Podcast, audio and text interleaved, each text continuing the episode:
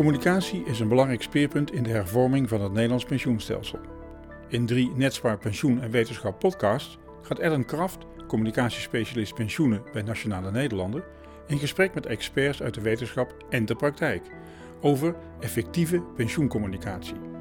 In deze aflevering delen onderzoeker Bas Donkers van Erasmus Universiteit Rotterdam en pensioeninnovatie-expert Koen Vaassen van Achmea Pensioenservices hun kennis en inzichten over keuzebegeleiding. Hoe stel je een realistisch pensioendoel? En hoe geef je mensen beter inzicht in de bijbehorende risico's? In de eerste podcast in deze serie hebben we gesproken over passiviteit of inertie bij pensioendeelnemers. En in de tweede zijn we ingegaan op de vraag hoe je pensioendeelnemers zou kunnen activeren. Met Thomas Post, universitair docent aan Maastricht University en universitair hoofddocent aan de Open Universiteit. En met Wilmar Zomer, strategisch marketeer bij ASR Verzekering. Um, we hebben gesproken onder andere over het gebruiken van emotie, gedrag van de omgeving en levensgebeurtenissen om mensen te activeren om aan de slag te gaan met hun pensioen. Maar alleen activeren is natuurlijk niet genoeg. Deelnemers hebben soms complexe keuzes te maken. En hoe kunnen we deelnemers dan helpen om de keuze te maken die bij ze past? Ook op de langere termijn. In deze derde en laatste aflevering in de serie gaan we dieper in op keuzebegeleiding. Met Bas Donkers, hoogleraar Marketing Research aan de Erasmus Universiteit Rotterdam. En Koen Vase, manager productadvies en innovatie bij Achmea Pensioenservices. Van harte welkom en fijn dat jullie ons willen meenemen in jullie wetenschappelijke en praktische ervaring over keuzebegeleiding. Nou, net als in de eerste twee podcasts wil ik graag aftrappen met een stelling. Pensioen en pensioenkeuze zijn natuurlijk voor veel mensen geen eenvoudig onderwerp. Het feit dat ze er weinig kennis van hebben, kan een drempel zijn om keuzes te maken of om beslissingen te nemen. Keuzebegeleiding zou deze drempel kunnen verlagen of kunnen wegnemen. De stelling luidt als volgt. Met goede keuzebegeleiding kan een pensioendeelnemer zonder enige kennis van pensioen de juiste keuzes maken. Bas, om te beginnen bij jou. Hoe reageer jij op deze stelling? Um, daar ben ik het wel mee eens. In die zin dat uh, uh, nou ja, de wetenschapper bij zegt altijd de, goed specificeren, kennis van pensioen, pensioenproducten, uh, de hele financiële markten daarachter, wat beleggingen, wat rendementen, wat nou verstandige financiële producten zijn. In principe hoeven ze daar weinig van te weten om een pensioenkeuze te kunnen maken. Dat wordt eigenlijk door het pensioenfonds gedaan. wat ze wel moeten weten is wat ze willen na een pensionering bijvoorbeeld. Dus uh, ja, als je gewoon niet weet hoe je je leven in de toekomst eruit ziet, dan uh, gaat dat niet lukken. Dus je leven na pensionering, waar het, over, waar het echt over gaat, daar zul je wel enig inzicht over moeten hebben om, uh, om keuzes te kunnen maken. Maar het pensioenproduct zelf denk ik dat dat heel beperkt is. dat we daar ze prima bij kunnen ondersteunen. Oké. Okay. Koen, wat denk jij als je dit zo hoort? Ja, Bas haalt me eigenlijk de woorden uit de mond, omdat ik Kijk, het kan ook niet zo zijn dat iedereen verstand heeft van alles wat er achter pensioen zit. Dus um, het moet kunnen zonder kennis van pensioenen, maar inderdaad, de, de doelen die men wil bereiken, die zijn wel uh, heel erg belangrijk. Dus weten hoe dat je je leven in wilt richten, wat een soort van uh, financiële maat is, zeg maar, waar je op wilt, wilt gaan uitkomen. Dat is denk ik wel belangrijk om dat te weten. En dan is het aan ons vanuit de sector om daar ja, de goede keuzebegeleiding uh, bij te organiseren. Om te zorgen dat mensen ook die keuzes kunnen maken. Oké, okay, meteen wat dieper op in te gaan. Ik uh, begrijp, Bas, dat jij de, vooral kijkt naar keuzes rond de pensioendata. Maar je hebt natuurlijk ook nog verschillende soorten pensioencontracten. Je hebt het DB-contract, de salarisdiensttijdregeling. Uh, die over zal gaan in het nieuwe contract door het pensioenakkoord. En dan heb je aan de andere kant heb je een beleggingspensioen, een DC-regeling. Is er nog een verschil in, in de soorten keuzes die mensen kunnen maken en de keuzebegeleiding die daarbij nodig zou kunnen zijn? Um, er zijn zeker verschillen, maar het lijkt er ook op dat die twee toch steeds meer naar elkaar toe gaan groeien. En dat er steeds meer keuzes komen in wat vroeger een hele vaste uh, regeling was. En dat daar uh, vooral het inzichtelijk hebben van de consequenties heel belangrijk is. Uh, als je gaat kijken bijvoorbeeld naar eerder met pensioen gaan of een hooglaagconstructie, ook daarvan is het eigenlijk een uitruil tussen iets vandaag en iets verder in de toekomst. Uh, dus ook daar is dat beeld van, uh, ga ik over tien jaar mijn huis verkopen en wil ik tot die tijd wat meer aan mijn pensioen halen. Ook daar is het inzichtelijk hebben van wat wil ik, uh, is heel belangrijk. en wederom is dat hele financiële stukje wat minder ingrijpend, of de, kennis daarvan is wat minder, minder nodig. Maar het, dus keuzebegeleiding is vooral het goed communiceren van de consequenties van een keuze. Dat mensen inzicht hebben in, oké, als ik dit doe, dan betekent dat dat. En, en heel veel oude maatstaven waren heel slecht in het duiden van consequenties. Als ik uh, naar beleggingsproducten in de traditionele wereld kijk, dan heb ik zo'n mannetje met een, iets op zijn rug waar 1 tot en met 7 in staat. Ja, dan stopt het wel heel snel in wat dat betekent. Ja. in ieder geval wat dat betekent voor mij. Dus uh, ik denk dat de belangrijkste les vanuit de wetenschap is om mensen te begeleiden. Praat in consequenties en maak die zo concreet mogelijk. Um, dus praat ook niet over uh, nominale pensioenen, waarbij inflatie, uh, ook al is die nu laag, maar 2% inflatie voor iemand die nu 20 is, ja, die denkt dat hij miljonair, miljonair gaat worden. En misschien is hij dat ook wel in nominale termen, maar in koopkracht natuurlijk niet. Dus ook dat soort dingen zijn gewoon heel leidend in uh, wat zijn de consequenties voor iemand. Uh, en, dat, en vanuit daar kun je mensen heel goed helpen. Ja. ja ik zie jou knikken, jij bent het daarmee eens? Ja, zeker. En er, er is ook best wel nu al wat te kiezen. Hè? Ondanks dat soms de perceptie van deelnemers is dat dat niet zo is. Uh, en dat wordt natuurlijk alleen maar meer. Hè? Met, uh, met het pensioenakkoord krijgen we ook echt wel een stukje verschuiving van risico naar de deelnemers toe. Maar ook nu al, uh, ja, ik, ik hoor altijd in mijn omgeving, ja, ik kan toch niks kiezen, dus waarom zou ik er naar, naar kijken? Maar ook nu zijn er al best wel zaken, zelfs ook in DB-contracten, waarin je keuzes kunt maken. Denk aan vrijwillig bijspaarregelingen of, of ANW uh, hiaatregelingen. Hè? Dat, dat zijn ook keuzes. Uh, die, die zitten niet op beleggingsvlak, maar wel keuzes die je moet maken die een belangrijke impact gaan hebben op je, op je toekomst. En ja, op, op het pensioneersmoment worden straks de keuzes inderdaad uh, nog veel belangrijker. Zeker als je ook naar een WVP-contract gaat, waarin je ook wel wat keuzes moet gaan maken. Ja. Ja, dan bedoel je inderdaad een, een beleggingspensioen, hè? een, een ja. DC-contract waarbij je op de pensioendatum zelf je uitkering kunt kiezen. Klopt, klopt inderdaad. En dat, uh, dat, dat wordt echt wel een, uh, vind ik best een spannende, zeg maar, hoe je daarin deelnemers begeleidt. Je hebt natuurlijk verschillende soorten keuzes. Uh, is er ook nog een onderscheid in bepaalde keuzes zijn complexer en hebben bijvoorbeeld meer begeleiding nodig? Zien jullie daar een verschil in? Ja, ik denk wel als het gaat over beleggingskeuzes dat dat um, een lastigere is en, en, en meer begeleid moet worden, omdat de, je kunt daar wat minder goed, hè, wat, wat Bas net aangeeft, je wilt graag de, de consequenties laten zien.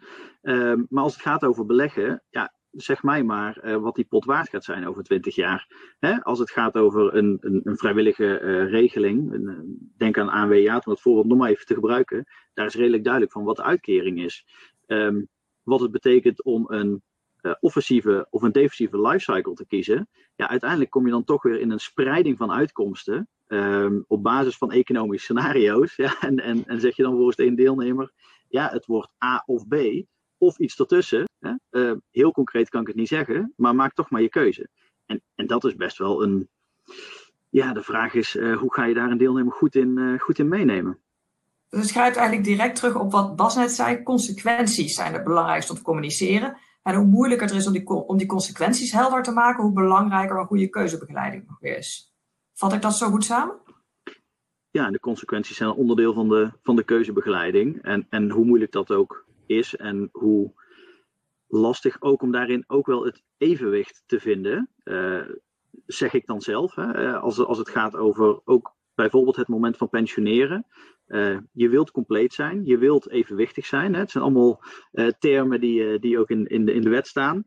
Ehm, maar ja, je wilt ook niet 36 pagina's bijlagen mee gaan sturen met deelnemers. Dus dat, want we weten ook allemaal, nou, na, een half A4'tje houdt het wel op, zeg maar, de, de interesse in het onderwerp, als we dat al bereiken.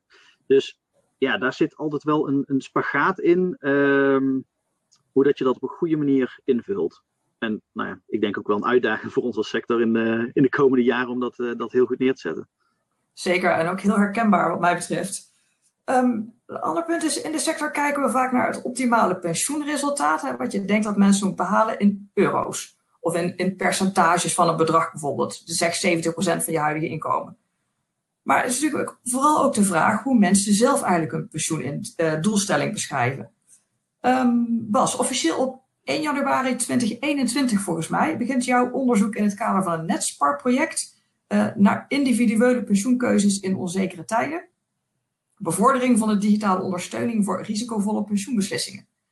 Uh, dat je volgens mij uitvoert met uh, Benedict Dellaert. Hierbij kijken jullie naar de voorkeuren die deelnemers hebben op het gebied van de balans tussen risico en rendement en keuzevrijheid bij grotere onzekerheid over pensioen. Maar jullie kijken ook naar de doelen die mensen zelf hebben voor hun pensioen. Uh, en hoe, die, hoe ze die bij onzekere pensioenuitkomsten kunnen behalen. Daar wat, dat wekte bij mij even de interesse. Want enigszins vooruitlopend op dit onderzoek, want dat moet dus nog starten, uh, kun je aangeven of mensen over pensioendoelstellingen denken in de termen van geld, zoals in de sector vaak wordt uitgedrukt, of dat mensen daar op een andere wijze naar kijken. Ja, bij de voorbereiding kwam ik inderdaad uh, deze vraag tegen. Toen dacht ik inderdaad, hier hebben we nog heel veel vragen. Um, en waar we uh, in ieder geval naar willen gaan kijken is in hoeverre dat uh, als mensen andere doelen in gedachten hebben, dat dat ook hun keuzes bijvoorbeeld beïnvloedt. Uh, het meest simpele voorbeeld is misschien wel als ik met mijn werkgever praat, of ik praat met mijn financieel adviseur over mijn pensioen, of met mijn partner over mijn pensioen, of met mijn kinderen en eventueel de kleinkinderen. Dan ga ik hele andere dingen activeren en wil ik misschien wel iets anders.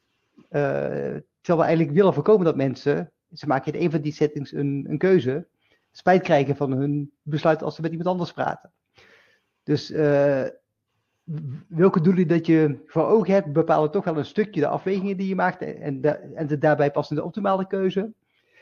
Waar we naar willen gaan kijken in het onderzoek is, kunnen we nu eigenlijk proberen te zorgen dat mensen even in contact zijn geweest met al die doelen, bij het maken van die keus, om te zorgen dat ze eigenlijk toch een keus maken die past bij, die overal zo goed mogelijk bij past. Uh, er is niet een één keuze die alles optimaliseert. Maar je wilt ook niet dat ze denken, oké, nou heb ik uh, bij mijn werkgever gezegd, ik wil gewoon uh, vooral veel geld verdienen en daarna nog heel veel dingen doen. Maar ik wil eigenlijk ook eerder al misschien uh, op mijn kleinkinderen passen en, en dat conflict hebben. Als je dat eigenlijk activeert, die doelen, gaan kijken of dat tot robuuste keuzes kan leiden. En tot meer tevredenheid of minder spijt achteraf in zekere zin. Um, dus ja, er zijn heel veel doelen. En ja, die hebben zeker effect op de keuzes die mensen maken. De uitdaging is hoe integreren we die? En daar gaan we uitgebreid uh, onderzoek naar doen. En Koen, zie jij in de praktijk uh, hier ook een soort van mismatch ontstaan in de taal tussen pensioenuitvoerder en deelnemer? Want een deelnemer denkt nou bijvoorbeeld, ik wil straks mijn kleinkinderen kunnen passen, um, maar ik wil ook nog een wereldreis maken. Um, ik wil misschien um, uh, wat, wat eerder stoppen daarom. Um, terwijl wij vanuit de sector heel erg kijken naar van je hebt x euro op x moment. Ja. Is dat iets wat jij, wat jij herkent? Ja, het is, uh, het is heel herkenbaar. Uh, kijk, iedereen doet ook best veel deelnemeronderzoek. En, en als je vraagt inderdaad van wat, wat wil je nou met pensioen, dan komt niemand aan met een bedrag. Hè? De, de, de, de beroemde 70% wordt nog af en toe wel eens een keer genoemd. Maar als je vraagt, ja, waarom, uh, waarom noem je dat de 70%? Nou ja, omdat ze gewoon zeggen, ja, wat ik eigenlijk wil, is gewoon door kunnen leven zoals ik nu leef. Punt. Dat is gewoon, hè, ik zeg altijd, het Zwitserleven gevoel. Het is hartstikke mooi, het, het, het strand, hè, het, uh, waar je met, met Chris Segers zeg maar, de, de golven in kunt, uh, kunt lopen. Um, dat is wel mooi, maar eigenlijk willen de meeste mensen gewoon door kunnen leven zoals ze altijd al deden. En inderdaad tijd aan de familie besteden en uh, hè, le le lekker naar de camping. En dan, dan hangt die 70% wat, wat in het hoofd. Maar echte doel is dus inderdaad gewoon geen zorgen hebben. Um, maar goed, komen wij daarmee weg vanuit de sector om met dat soort doelen uh, te praten? Uiteindelijk vertaalt het zich weer in een, in een bedrag. En, en dwingt de wetgeving je daar ook wel in hè, om op die manier te communiceren. Dus ik zie daar wel een mismatch ook tussen ja, wat, wat je vanuit toezichthouders krijgt, vanuit wetgeving en, en waar ja, uh, de gemiddelde deelnemer naar, naar op zoek is. Dat is iets wat wij moeten zien te overbruggen. Dit verschil in taal van wat de wetgever ons oplegt aan de ene kant en wat hoe deelnemers denken aan de andere kant. Klopt. klopt. En volgens mij die, die openheid is er ook. Hè. Je ziet ook, ook bij, bij een AFM natuurlijk uh, wel, ja, ja, worsteling wil ik het niet noemen, maar die, die zoektocht naar van ja, hoe, hoe sluit dat nou het beste op elkaar, uh, op elkaar aan? En dan, ja, dan is het best wel een uitdaging ook voor onze sector om eens een keer die stap te nemen. Hè, van, want ja, het is wel nieuw en dus eng en dus ook spannend. En dus moeten we het uit gaan leggen waarom we het op die, op die manier doen. Um, maar goed, het ook een nieuw pensioenakkoord geeft denk ik wel ook die mogelijkheid om te gaan proberen. En nieuwe zaken neer te zetten. Ja, daar is denk ik het onderwerp van de podcast misschien ook wel, wil ik wel aanstippen. De vraag was nu, kunnen we die vertaalslag maken? Maar mijn stelling zou haast zijn dat je die vertaalslag niet kunt maken, want die is echt heel persoonsspecifiek. We hebben dat bedrag en wat is dat, zelfs als dat 70% is, is dat nou voldoende voor iemand? Ja, dat hangt heel erg af van wat die persoon maakt, doet. Dus die vertaalslag is niet één op één. Uh, 70% is uh, gelukkig, 80% is heel gelukkig en 90% dolgelukkig en 60% uh, dan word je iedere dag uh, chagrijnig wakker. Die variatie is zo groot dat je ook daar eigenlijk moet begeleiden met hoe zie jij je leven en ja. hoe tevreden ben jij met dit bedrag?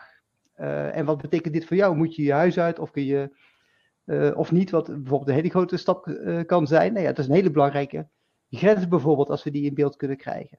Ja, ja en, dus... en dan wat, wat ik dan daarin ook altijd lastig vind, is je moet eigenlijk kijken naar het totale pensioeninkomen, inclusief vermogens en inclusief alle potjes die mensen bij elkaar hebben. En laten we eerlijk zijn, er zijn ook mensen die gewoon een heel huis op dat moment uh, vrij hebben, wat enorm veel waard is. En ja, dus, dus vanuit één pensioenfonds of één gaan adviseren ook over wat, wat goed is of, of, of niet goed.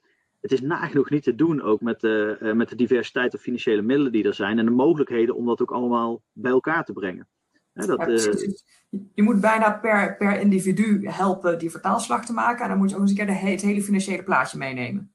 Ja, eigenlijk wel. Ik vind, ik vind eigenlijk dat iedereen die voor een pensioenkeuze staat, maar eigenlijk ook al in de jaren, ruim de jaren daarvoor, um, gewoon inderdaad dat, dat persoonlijke gesprek uh, hè, en, en mogelijk in de toekomst wel robo-advice, want persoonlijk gesprek is natuurlijk ook niet te doen uh, voor heel Nederland. Maar dat echt moet voeren uh, om ook al die vermogenscomponenten bij elkaar te brengen en, en het totaalplaatje te hebben, zodat je daarin ook keuzes kunt gaan maken. en dan ook wel de goede keuzes. Hè, want dat hoeft niet altijd een hele voorzichtige keuze bijvoorbeeld te zijn. Als je inzicht hebt dat je best een groot vermogen hebt, bijvoorbeeld in je huis, dan zou je ook wat meer risico kunnen lopen, bijvoorbeeld met je pensioen. Hè, met daarmee wat upward potential uh, kopen ook uh, richting, uh, richting de toekomst. Ja. Hey, dat is helder. Um, je, je, geeft al aan van hè, de keuzes hoeven niet ook per se goede keuzes te zijn. Je kunt te weinig risico lopen, maar natuurlijk ook te veel risico. En, en beide is in zekere zin een risico op een, een suboptimale uitkomst voor je pensioen. Um, zijn mensen zich bewust van de risico's die ze lopen met hun pensioen? En misschien nog wel interessanter, zijn zich bewust van hun eigen risicohouding ten aanzien van pensioen? Is hier vanuit wetenschappelijk inzicht bijvoorbeeld enig zicht op? Um, nee, het eerlijke antwoord is dat we daar nog niet zo heel veel zicht op hebben, denk ik. Um, dat we vooral weten dat risicohouding uh, zelfs domeinspecifiek is. Dus mensen die van bungee jumpen houden, kunnen nog steeds best wel financieel vrij behoudend zijn. Um, dus er is niet zoiets als een risicohouding. En de risicohouding tussen, ook over de tijd heen kan dat best variëren. Dus dat je zegt, oké, later wil ik echt wel rust hebben. Omdat je bang bent dat je het niet kunt, handelen. Of dat je nu gewoon veel energie hebt en zit het even tegen. Nou ja, dan pak je het weer op en, en ga je verder. Dus um, er is niet zoiets als een risicohouding.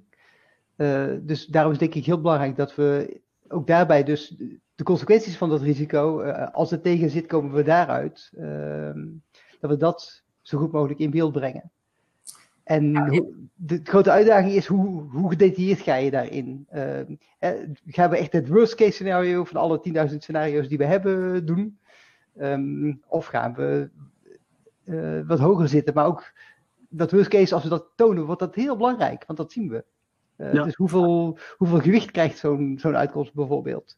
En risico is, is toch meerdere mogelijkheden, maar hoe zorg je dat mensen nou een, een goed beeld hebben van uh, de kans op iets? Daar zitten hele grote uitdagingen en dat, daarmee, het antwoord op de vraag daarvoor, hebben mensen risico's in beeld? Uh, ja, heel beperkt denk ik. Uh, dus risicocommunicatie is binnen de wetenschap een vak apart, waarbij zeker binnen de medische wereld al heel veel onderzoek gedaan is over kansen van, van ziektes en genezing en operaties. En daar bouwen wij eigenlijk ook in ons onderzoek op voort. Uh, dat eigenlijk de beste manier om te communiceren over risico lijkt toch iets als frequenties te zijn. zoveel op de 100 is, is hoe, ook al is het voor mij exact hetzelfde, dus 10 op de 100 is hetzelfde als 10%. Voor heel veel mensen is 10 op de 100 toch veel beter begrijpbaar dan, uh, dan 10%. Ah, op die manier. Dus dat simpelweg de wijze van uitdrukken. Ja. Ja. ja. ja. Dat, dat maakt groot verschil. En maar, ook, maar ook de vraagstelling vind ik wel een groot verschil maken. Als je gewoon mensen op straat gaat vragen hoeveel risico wil je lopen met je pensioen, dan krijg je waarschijnlijk antwoorden van heel weinig. Uh, maar als je laat zien wat, wat doet het nemen van beleggingsrisico bijvoorbeeld met je pensioen eh, en, en hoeveel extra resultaat ten koste van een mogelijke uh, val naar beneden kun je behalen, dan zien wij vanuit onderzoek wat we eerder hebben gedaan, dat mensen in één keer veel meer risico accepteren of veel, ja, veel offensiever zouden willen gaan beleggen als ze zien wat het resultaat is van een stukje risico nemen. En dat, uh, ja. Dus we zijn nu nog heel erg aan het kijken naar uh, hoe kun je mensen bewust maken van risico's en bewust maken ook van de voordelen van het nemen van risico's die er zijn. Hè? De keerzijde van de medaille zou je kunnen zeggen. Um, maar we kunnen dus ook constateren als mensen, als we al heel veel moeite hebben om mensen goed duidelijk te maken wat hun risico's zijn, dan zullen mensen zich ook niet zozeer bewust zijn, of in ieder geval kunnen we dat niet vaststellen, in hoeverre ze zich bewust zijn van hun eigen risicohouding. En we kunnen ook nog niet vaststellen in hoeverre die risicohouding klopt. Dus daar zit nog heel veel interessant uh, potentieel onderzoek in het vat, zou ik zeggen. Ja, moeten we eigenlijk ook niet af van het woord risico? Hè? Volgens mij is er nog niet, uh, nog niet een, een, goed alternatief voor, maar het woord risico heeft natuurlijk sowieso een negatieve associatie. Zeker. Um, uiteindelijk, misschien kun je veel beter spreken over kansen hè? In, plaats van, uh, in plaats van risico's. En hè, kun je daarmee ook al de mindset van mensen wat, wat draaien. Ja, ja, het is natuurlijk lastig om wat je eerder een risico noemde, nu volledig om te draaien en positief te framen als een kans. Maar ik kan me heel goed voorstellen dat je in het midden zou willen gaan zitten tussen het negatieve en het positieve, om er wat meer balans in te brengen. Dus misschien, kunnen we een keer een, misschien kunnen we een keer een prijsvraag uitschrijven om daar een, uh, een goede nieuwe, nieuwe framing omheen uh, te gaan maken. Dat lijkt me een hele goede manier om ja. tot, tot wat innovatie te komen op dat gebied. Um, we hebben het natuurlijk over het inschatten van risico. En dat is voornamelijk, uh, heeft tot doel dat mensen passende pensioenkeuzes kunnen maken. Um, in jullie ervaring, eigenlijk van allebei, wat, wat zijn de beste ondersteuningstools bij het maken van dat soort keuzes? Hebben we daar al zicht op? Wat zijn zaken die werken?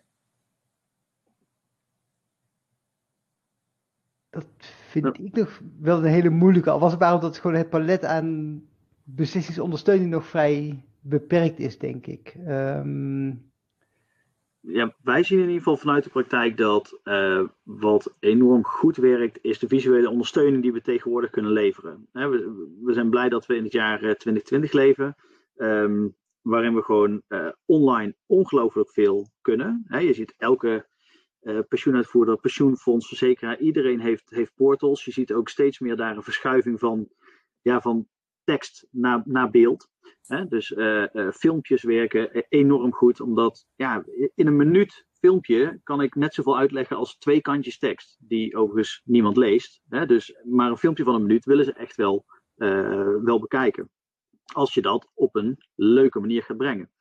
Um, online kun je ook veel sneller scenario's door laten rekenen. Dus je kunt meteen inzicht geven in uh, wat dus nou, kwantitatief of in bedragen gewoon de gevolgen zijn van bepaalde keuzes. En op die manier kun je mensen ook ja, veel makkelijker begeleiden, want uiteindelijk niemand gaat uh, pensioenkeuzes maken voor zijn lol. Dat, dat, daar gaat niemand handen wrijvend voor zitten achter laptop en nu ga ik eens even lekker aan de slag. Maar als ze er dan zijn, dan moet je ze daar dus ook soepel doorheen uh, nemen. Uh, het, moet op een redelijk snelle manier ook, uh, ook kunnen, zolang je de aandacht vast hebt en ook vast kunt houden. En, en daarom ben ik blij dat we gewoon online zoveel mogelijkheden hebben tegenwoordig om dat op een goede manier te doen. Is natuurlijk wel ook even de vervolgvraag. Is het mogelijk om met online tooling alleen pensioendeelnemers optimaal te begeleiden? Of is in sommige gevallen, bijvoorbeeld bij sommige soorten personen of bij sommige soorten keuzes, uh, de raadzaam ook andere methodes in te zetten? En dan kun je zelfs denken aan zoiets als persoonlijk contact. Is, is online tooling alleen, denk je, uiteindelijk voldoende?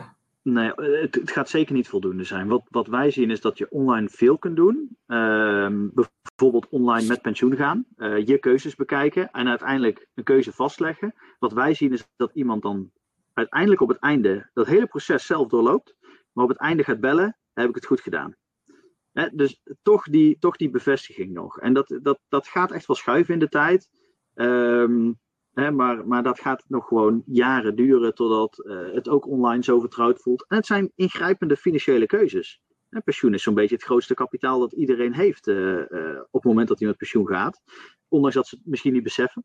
Maar, maar, maar dat is zeker zo. En op dat moment krijg je dat, dat besef wel. En wil je echt wel dat persoonlijk contact om nog ja, toch die bevestiging te krijgen, doe ik het goed? Want ja, laten we eerlijk zijn, de meeste mensen zijn geen financieel uh, expert.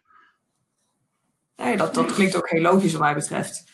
Um, dan heb ik nog wel een leuke extra vraag voor jullie. Want in de vorige podcast, aan het eind van de vorige podcast in deze serie, heb ik aan Thomas en Wilmar gevraagd welke vraag over keuzebegeleiding zij nou nog aan jullie zouden willen voorleggen.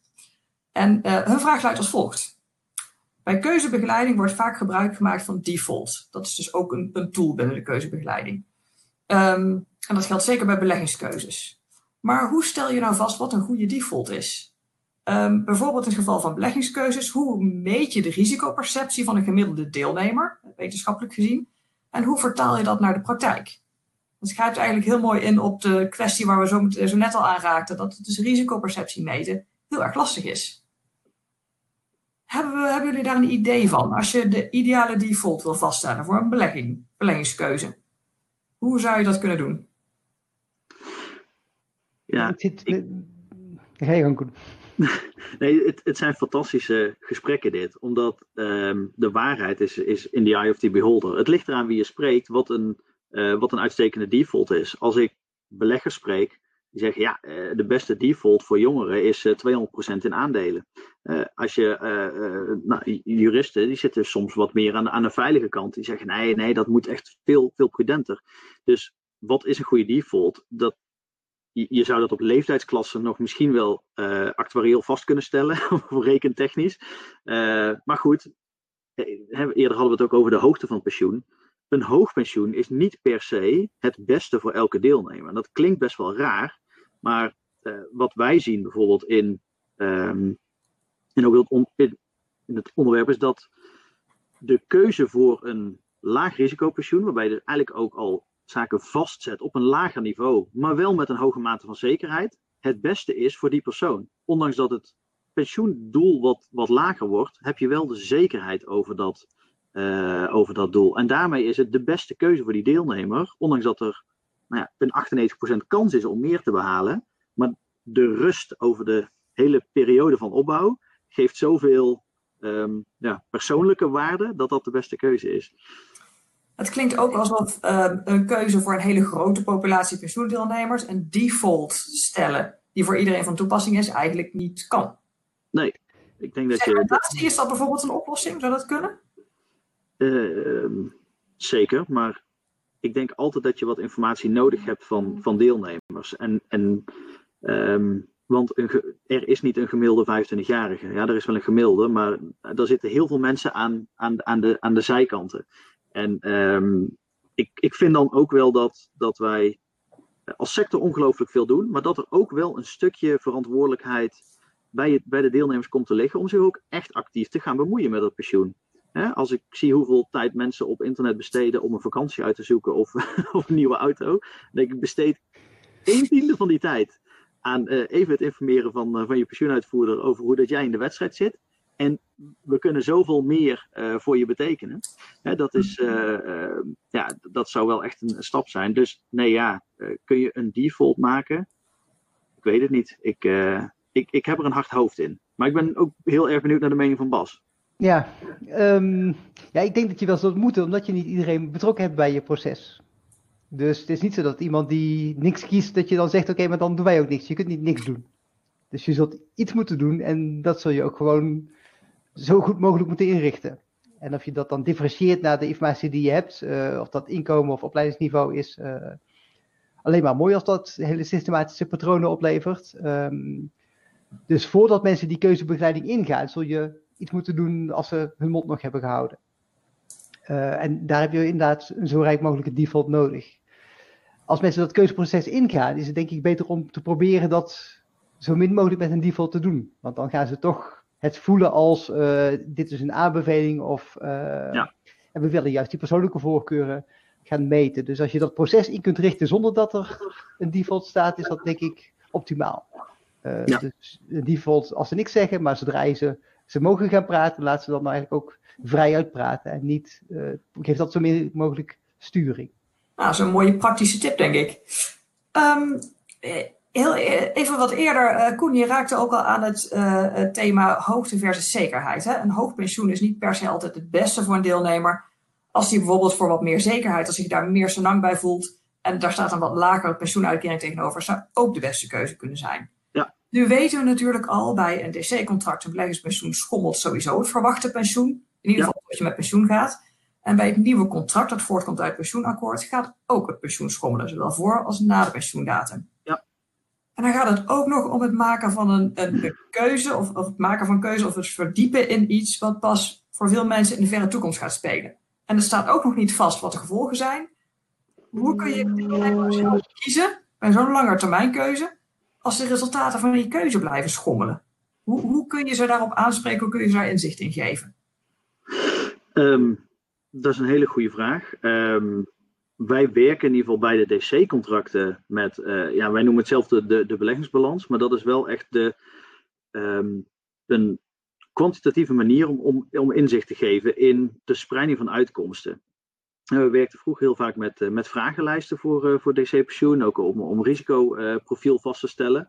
Um, maar we zien wel gewoon dat dat het inzicht in, in bedragen, in scenario's nodig is. Um, dus wij hebben eigenlijk een schuif van mensen, uh, verschillende, nou, van, van defensief naar, naar offensief, aan kunnen geven hoe zit je in de wedstrijd. En daaronder een, een, een, een, een grafiek, een leesbare grafiek, waarin de spreiding van uitkomsten staat. Dus we zeggen niet, dit is het pensioen waar je op afkoerst. Nee, dit zijn honderd mogelijke scenario's waar jouw pensioen met een 95% zekerheid op uit zal komen. we leggen het altijd anders uit, uiteraard. Hè. Um, maar dit zijn 100 scenario's. Daarmee geven we aan, wij weten het niet. Het kan 2000 euro worden. Het kan ook 3000 euro worden. Hè? Maar het ligt wel in deze bandbreedte. En dit is de, hè, in een normaalverdeling, dit is de, uh, de kans dat je het pensioen, dat het 2000, 2100 of 2200 of 2300 euro uh, gaat worden.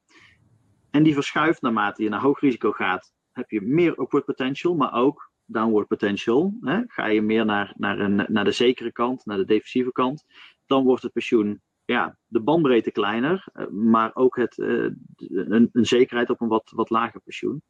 Nou, wij zien wel dat mensen dat helpt en dat ze daarin een goede keuze kunnen maken en dat ze ook snappen dat er een verhouding zit tussen risico en rendement. En, en dat was eigenlijk voor ons de, ja, de grootste overwinning, hè, dat, uh, toen we dat ook, ook gingen testen. Um, dat mensen ons uit konden leggen van oké, okay, ja, ik snap dat het onzeker is, maar ik snap wel dat als ik meer risico neem, dat het verder omhoog kan, maar ook verder omlaag. En je ziet ook dat mensen dan wel wat meer risico willen nemen.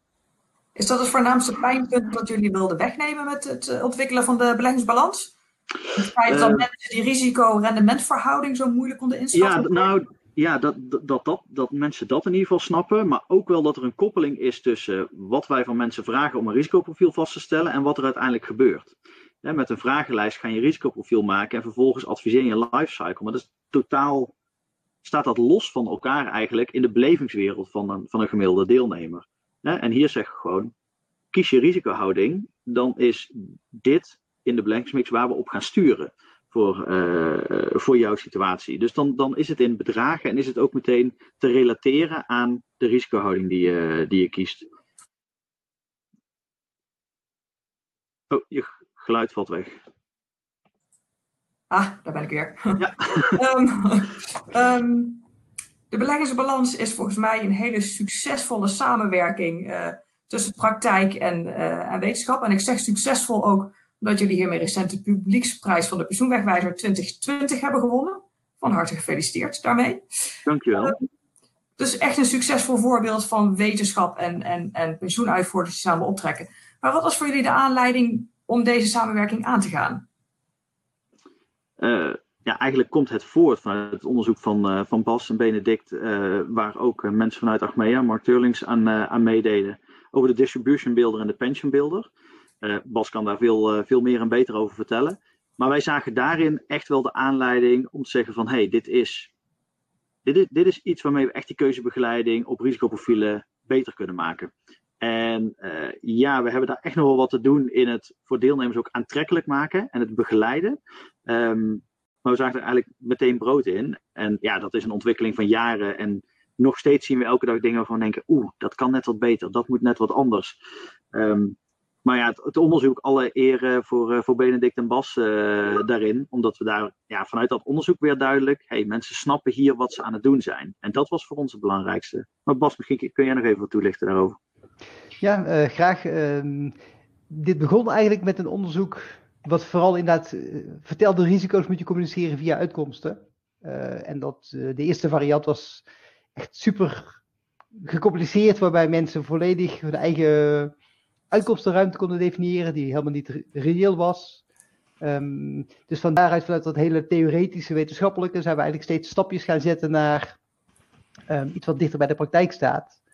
Um, waarbij eigenlijk nu uh, ja, bijna je pensioenkeuze, wat in ieder geval wij tegen de ideale begeleiding aankijken bijna, is de manier waarop je een auto samenstelt. Je hebt een aantal opties en op de website verandert ook de kleur en het interieur en uiteindelijk mijn auto stel ik in zekere zin samen. En ik zie de gevolgen van mijn keuzes uh, in werkelijkheid.